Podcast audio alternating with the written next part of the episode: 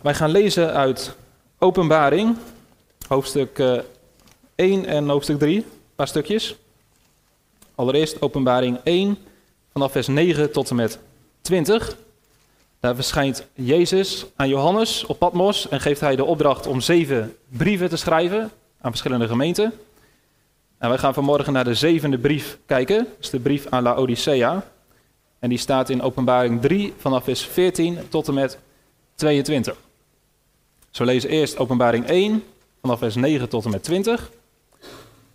Waar Jezus verschijnt aan Johannes en de opdracht geeft om de brieven te schrijven. En daarna gaan we naar de zevende brief. Die staat in Openbaring 3 vanaf vers 14. Openbaring 1, vers 9. Ik, Johannes, dat is de apostel Johannes, die ook uw broeder ben en deelgenoot in de verdrukking en in het koninkrijk en in de volharding van Jezus Christus. Ik was op het eiland genaamd Patmos, omwille van het woord van God en het getuigenis van Jezus Christus. Hij was daarheen verbannen. Dat was uh, straf. Ik was in de geest op de dag des Heren en ik hoorde achter mij een luide stem als van een bazuin. Die zei, ik ben de Alpha en de Omega, de eerste en de laatste. Wat u ziet, schrijf dat op een boekrol en stuur het aan de zeven gemeenten die in Azië zijn. Naar Efeze, naar Smyrna, naar Pergamus, naar Thyatira, naar Sardis, naar Philadelphia en naar Laodicea. En ik keerde mij om om de stem te zien die met mij had gesproken. En toen ik mij had omgekeerd, zag ik zeven gouden kandelaren.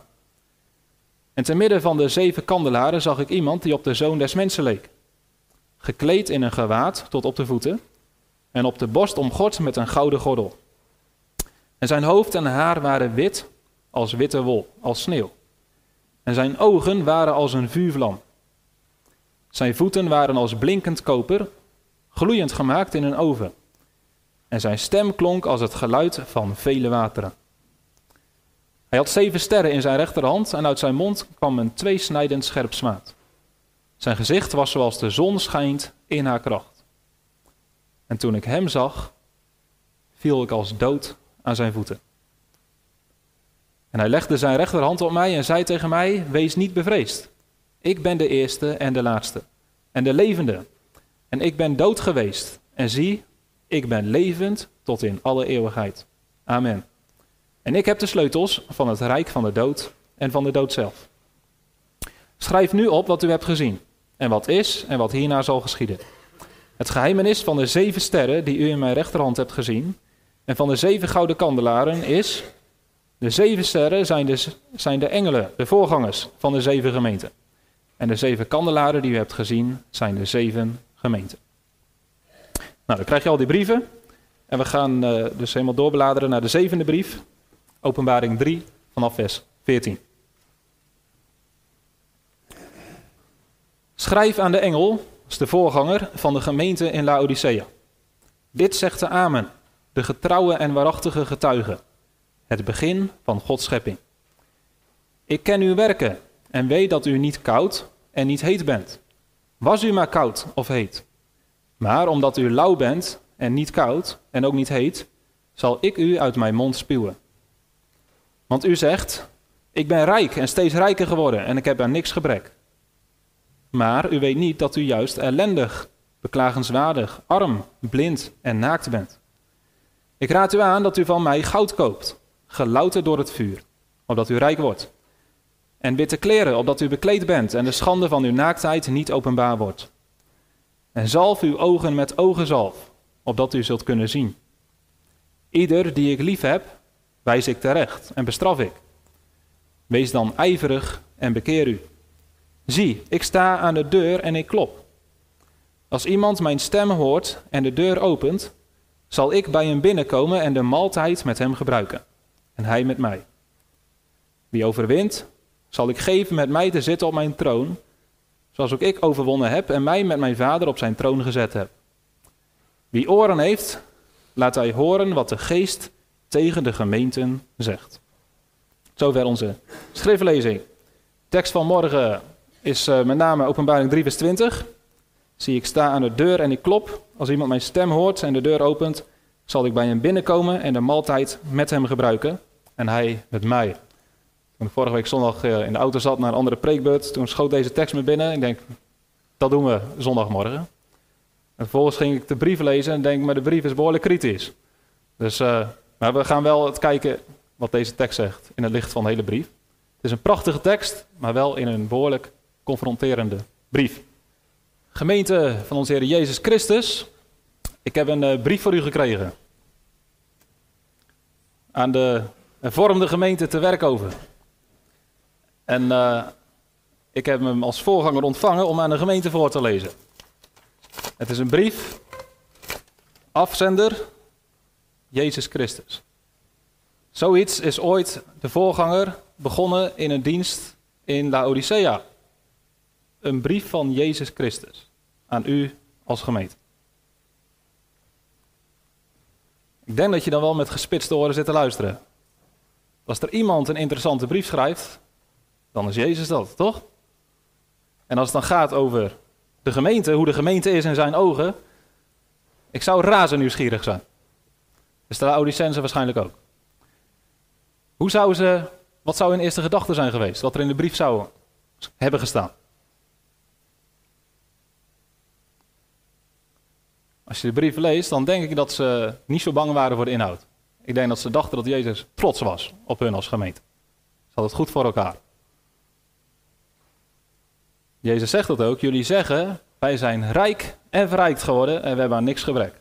We zijn de ideale gemeente. Maar Jezus denkt daar anders over. De brief is enorm confronterend. Hij zegt, jullie zeggen dat wel, maar in werkelijkheid zijn jullie arm, blind, naakt en hebben jullie aan alles gebrek.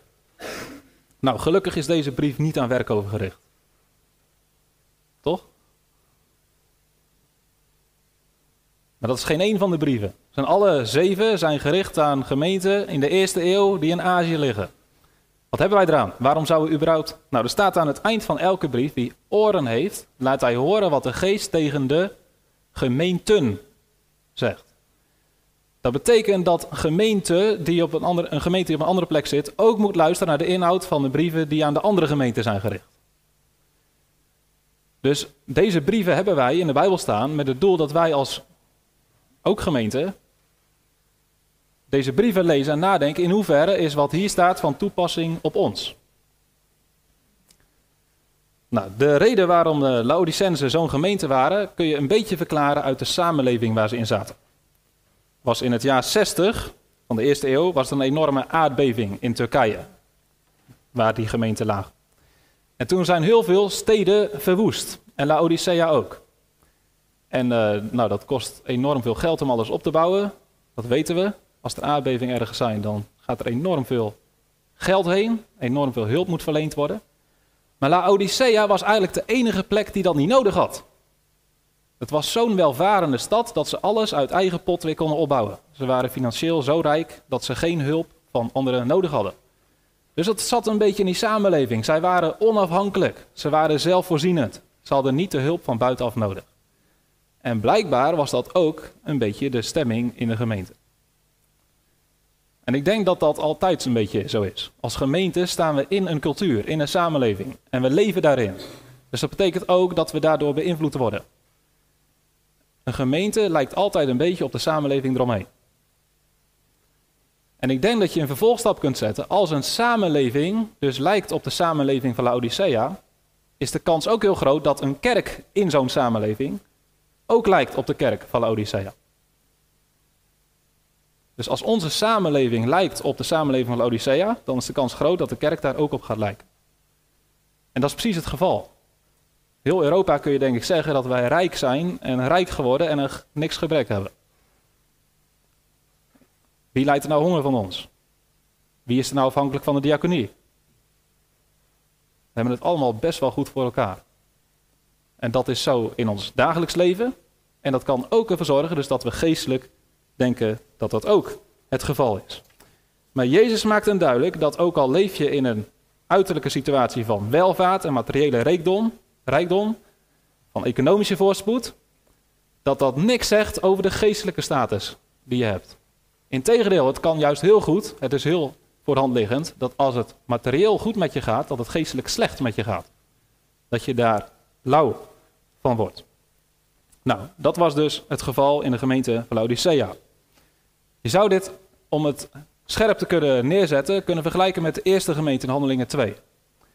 In Handelingen 2 kom je een gemeente tegen die vol is van de Heilige Geest. Net geboren. En wat staat er? Zij volharden in de leer van de apostelen. Ze volharden in de gemeenschap. Ze volharden in het breken van het brood. Ze volharden in de gebeden. Dus dat betekent ze waren toegewijd aan de leer van de apostelen. Dat betekent aan het woord van God. Om dat te horen. Om dat tot zich te nemen. Om dat door te geven. Ze waren mega gemotiveerd om meer te leren. Ze waren ook toegewijd aan elkaar. Als er iemand hulp nodig had, dan gaven ze dat aan elkaar. Ze zochten de gemeenschap met elkaar. Ze wilden graag bij elkaar zijn. Staat, ze waren dagelijks bij elkaar. Zoveel liefde hadden ze onderling als gemeente. Ze volharden in het breken van het brood. Ze vierden samen het heilige avondmaal. Ze gingen bij elkaar eten om de gemeenschap te vieren. En ze volharden in het gebed.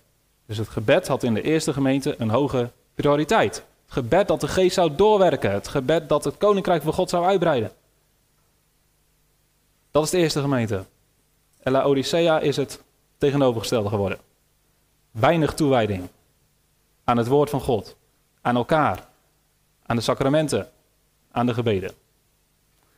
En de vraag die wij dus krijgen als een soort spiegel van, oké, waar zitten wij als gemeente? Lijken wij op die gemeente van Handelingen 2, enthousiast, toegewijd, trouw?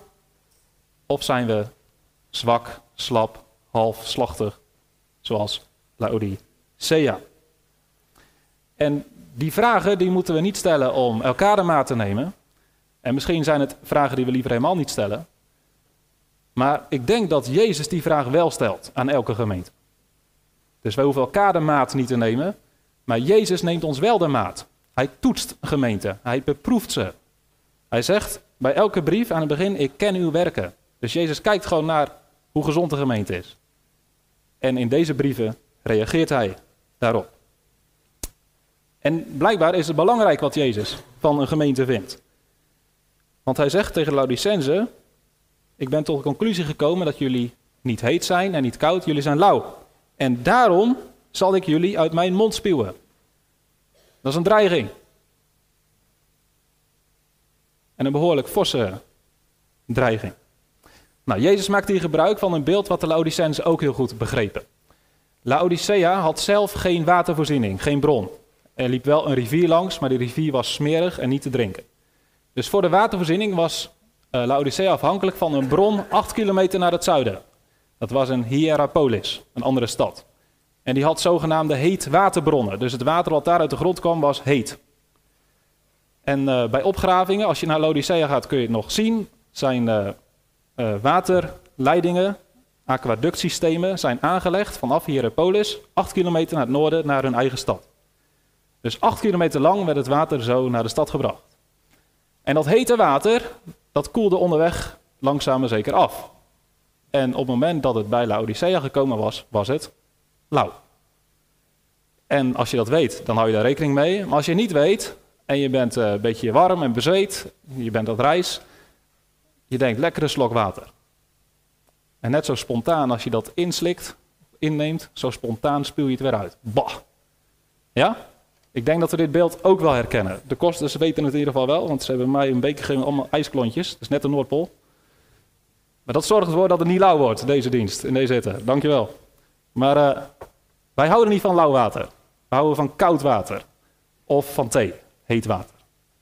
Ja, dus Jezus die maakt dit beeld en het is gelijk voor Lucens duidelijk. Wij zijn dus een gemeente die het niet is. En op zo'n manier dat Jezus een afkeer van ons krijgt. Nou, dat is wel erg scherp. En dat verwachten we misschien ook wel niet. Zeker niet in onze tijd.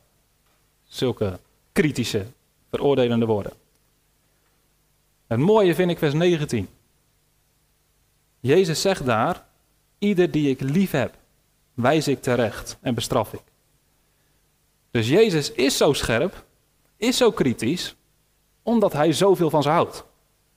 De liefde van hem voor de gemeente zorgt ervoor dat hij deze brief schrijft. En dat hij geen complimenten geeft, maar alleen maar kritiek geeft. Ja, dat is iets waar wij misschien ook van kunnen leren. In onze cultuur denken we vaak, liefde is alleen maar goed spreken, positieve woorden zeggen. Maar hier zegt Jezus, juist omdat ik lief heb, spreek ik geen positieve woorden. Maar geef ik kritiek, geef ik een oproep om je te bekeren. Wat is die liefde van Jezus? Nou, dat is natuurlijk de liefde al dat hij aan het kruis voor deze gemeente is gestorven. Jezus heeft zoveel liefde voor deze gemeente gehad dat hij bereid was voor hen te sterven. En ook al is die liefde van de Laodicense voor hem verzwakt en verflauwd, de liefde van Jezus blijft even sterk. En dat is mooi, ook vanmorgen. Aan de liefde van Jezus ligt het niet. De liefde van Jezus heeft hier de tafel klaargezet vanmorgen. Zelfs al zouden we als gemeente helemaal alles verkeerd doen, dan nog steeds staat de liefde van Jezus vier overeind. En die liefde van Jezus zegt, ik wil dat jullie bekeren. Want als jullie niet bekeren, dan is het klaar met deze gemeente.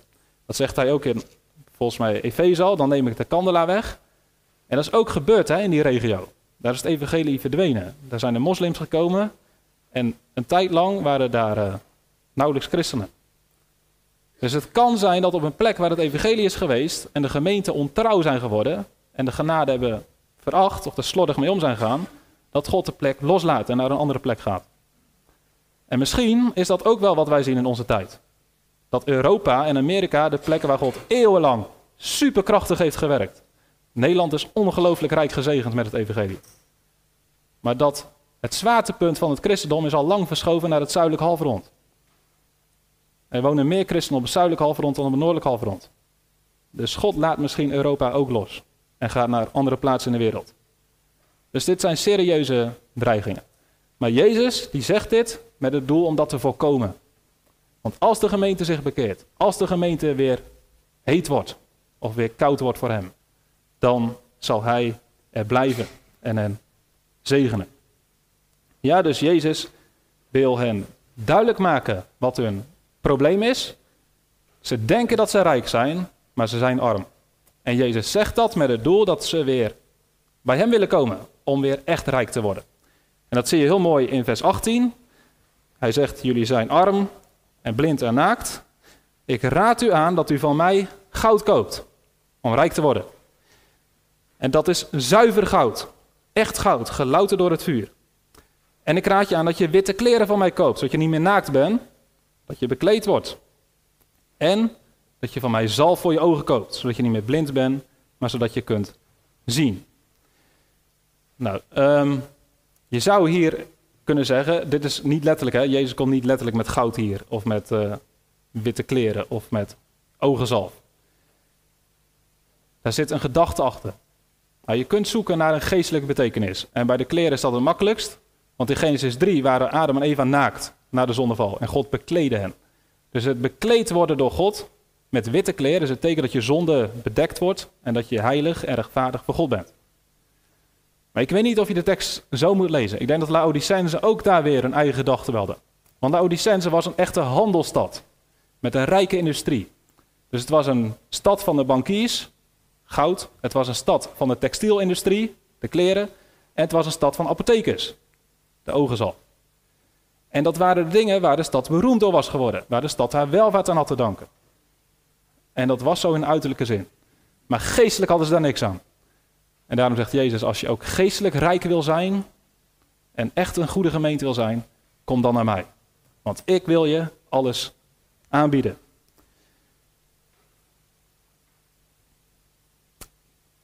Hoe biedt Jezus dat aan? En dat brengt ons bij vers 20. Zie, ik sta aan de deur en ik klop. En dat beeld dat kennen wij wel. De meeste van ons hebben een deurbel. Aanbellen. En dan is het de bedoeling dat de deur open gaat. Jezus klopt aan de deur. Laodicense hebben hier ook waarschijnlijk een beeld bij gehad. Want Laodicea lag op een kruispunt van twee handelswegen. Eén weg ging naar het westen richting Efeze en één weg ging naar het noorden naar Pergamum. En dat was een belangrijk punt voor handelaren. Die met hun goederen, handelswaar, over die wegen heen liepen. En als ze dus langs Laodicea kwamen, probeerden ze ook een handelswaar kwijt te raken. Dus je ziet het voor je, een koopman die denkt eindelijk weer een stad, eindelijk weer een plek waar ik mijn koopwaar kwijt kan. Laat ik langs de deuren gaan. Klop, klop, klop, klop. Ja, dus we zien hier een koopman die langs de deur trekt om zijn handelswaar kwijt te raken. En zo klopt Jezus aan de deur. Hallo, hier ben ik met goud. Hier ben ik met prachtige witte kleren. Hier ben ik met ogenzalf. Met alle geestelijke zegeningen die je nodig hebt. Doe de deur voor mij open. Jezus verkoopt het. Waarvoor? Hoeveel zou Jezus willen hebben voor zijn geestelijke handel? Hoeveel moet je ervoor betalen om hier vanmorgen te mogen zitten? Of om straks de hemel binnen te mogen gaan? Hoeveel hebt u ervoor over?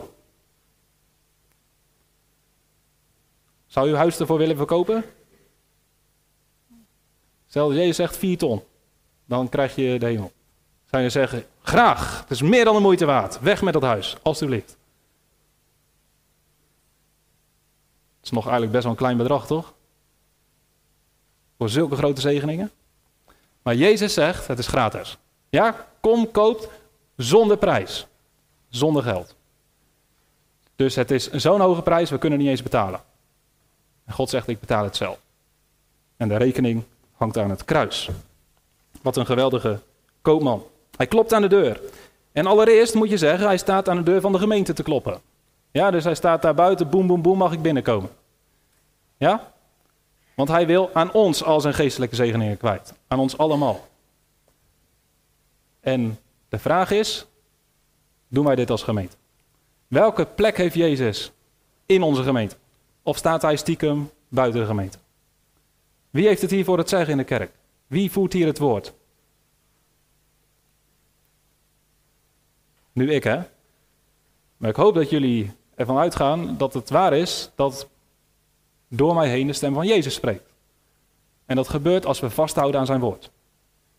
Dus de manier om Jezus in de gemeente te houden is zijn woord vast te houden. Aan zijn woord vast te houden. Bij het evangelie te blijven. Hem te verkondigen. Het ware evangelie te brengen. En op het moment dat je dit woord dicht doet, of aan gaat passen, of gaat uh, doen wat je zelf leuk vindt, dan hou je misschien wel bepaalde mensen in de kerk, maar Jezus niet, die gaat eruit.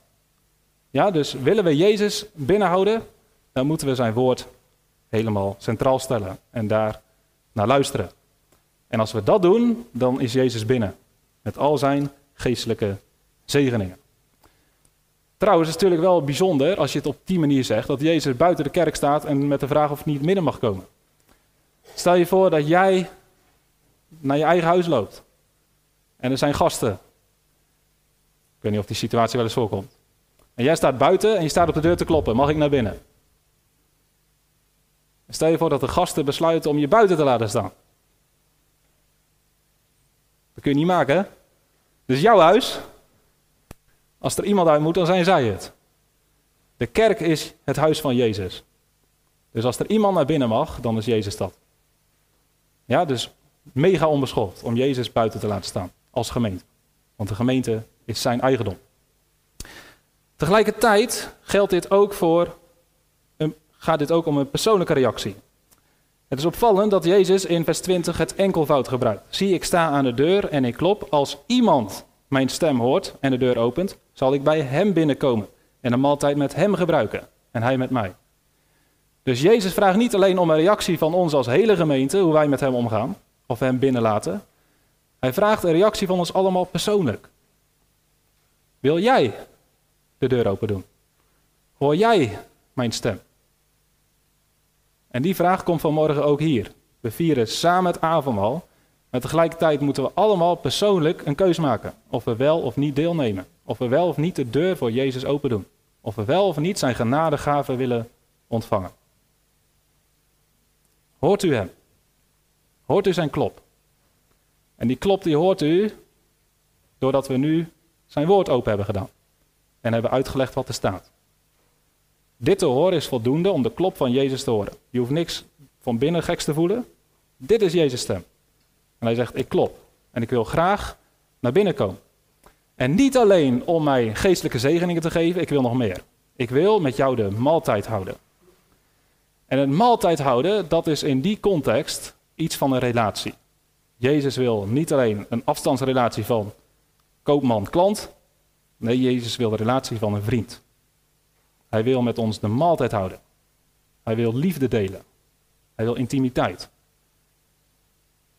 Dus Jezus is meer dan iemand die ons allemaal dingen geeft. Jezus wil vooral zichzelf aan ons geven. En dat wij ons aan hem geven. Een mooi voorbeeld hiervan is dat Jezus op weg is met de Emmausgangers naar Emmaus. En dan is hij in gesprek en uiteindelijk komen ze in Emmaus aan. En wat gaan ze dan doen? Dan nodigen die mensen hem uit, komt u bij ons eten. Dat is het teken dat ze liefde hebben gekregen voor deze persoon, die ze nog niet kennen. En ze willen hun vriendschap uiten. Ze nodigen hem uit voor de maaltijd. En zo moeten wij de liefde voor Jezus hebben. Zeggen, Jezus, kom alsjeblieft bij mij eten. En dan tijdens die maaltijd, bij de emmersgangers, gebeurt er iets bijzonders. Want in plaats dat uh, de emmersgangers het brood pakken, om dat aan hun gast te geven, pakt Jezus het brood en breekt het en geeft het. En dat is het moment dat de emmersgangers doorhebben, dit is Jezus. Maar dat is ook iets wat in deze tekst naar voren komt. Als wij Jezus binnenlaten in onze huizen, in onze harten, dan eet hij met ons de maaltijd. Maar staat er vervolgens achteraan en hij met mij. Het worden de rollen omgedraaid. Jezus wordt de gastheer. Dus we kunnen zeggen, vanmorgen hebben wij gehoor gegeven aan Jezus' stem. Wij zetten de maaltijd voor hem klaar. Om met hem de maaltijd te kunnen vieren. Maar als wij hier straks zitten, worden de rollen omgedraaid. Dan zijn wij het niet die Jezus aan onze tafel hebben zitten. Dan is het Jezus die ons aan zijn tafel hebt zitten. Hij is degene die ons nodigt. En hij is degene die ons verzadigt. Met zijn lichaam en met zijn bloed. Tot vergeving van al onze zonden. Amen.